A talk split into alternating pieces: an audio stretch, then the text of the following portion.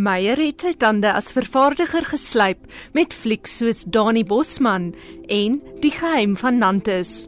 Nog een van sy treffers was Die Kavaliers wat oor 'n vreeslose boerekomando handel wat geheime take tydens die Anglo-Boereoorlog uitvoer. Tog beskou kenners die 1967 fliek Hoor my lied met onder meer Guy Korsten en Min Shaw as een van die mees ikoniese rolprente waarby hy betrokke was. Volgens Shaw het hy amper toevallig 'n rol hierin gekry. Hy het 'n program aangebied by name Eyes Bright with Eugene en ek dink ek was so 30 jaar oud myself want ek het toen nog skool gehou. Toe soek hulle nou iemand om 'n liedjie te sing en Helga se stem te doen in die fliek Hoor my lief. Toe kry ek dit en toe het hulle nou hierdie rol geskep van Guy se vrou in die fliek wat in 'n motorongeluk oorlede is en dan het hulle sulke terugblitse gehad, né? Nee? En toe daar by Hermanus, hardloop ek daar by die koppie op nou en daar sing ek nou die heide lied.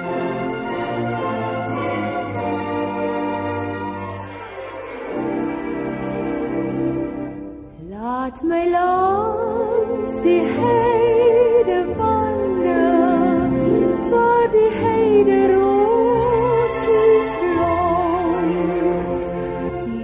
behoort aan my, o skone dal, my heide land gegroet is jy het duisend male taal, o jou klure mooie blomme pracht, wat groeten blom verblom wie toehala. Na hoor my lied het Shaw ook aan verskeie projekte saam met Meyer gewerk. Sy sê hy het haar gehelp om in die vermaaklikheidswêreld aan te pas. Nederigheid en integriteit was twee van sy groot eienskappe wat sommer so natuurlik uit sy mond uitgekom het en hy kon altyd vir my so kalm bly. Dit het ek nooit verstaan nie as dit nou te kwaai gegaan het op die stel en die man het se taal gebruik kan maar so bietjie ek weet nie hoe oud dit nou eers sal stel nie. Dan gaan klop ek altyd aan by die deur en kan ek altyd by hom gaan kla en dan verduidelik ek maar op 'n mooi manier. Die ouens raak maar opgewonde en so aan. So dit was my iets kwaai om gewoond aan te raak jy weet. En die fliek nou klaar is sê my min ek wil ster van jou maak in Suid-Afrika. Dit was sy eie eie eie woorde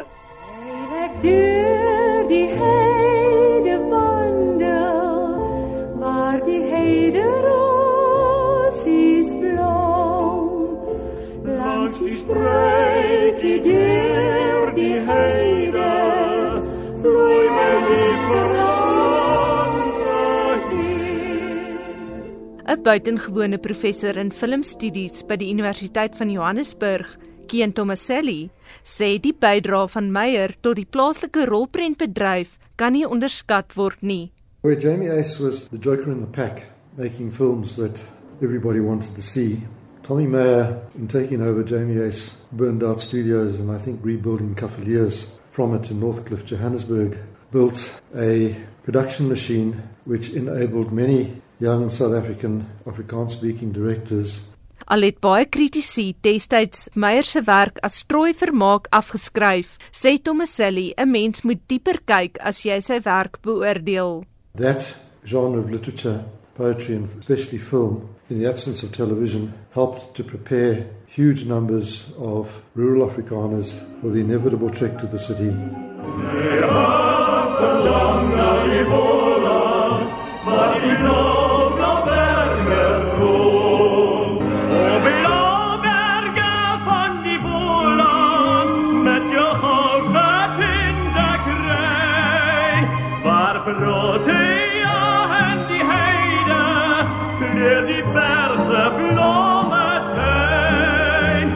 Tomaselli sê Meyer was 'n sleutelfiguur in die ontwikkeling van 'n stedelike Afrikaner identiteit. Tommy Meyer as a producer really operated within Afrikanerdom as an organic intellectual enabling the conditions whereby urbanization became accepted amongst Afrikaners the cities being the place where engagement with British capital occurred which eventually resulted in the retransfer of significant portions of that capital back to the Afrikaner economy by the mid 1970s. Maar wat van Tommy Meyer, die mens? Min Shaw onthou.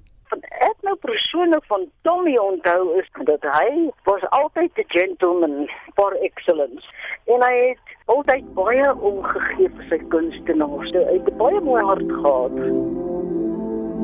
My heide land gegroet is jy 'n duisend male taal. O, jou kleur,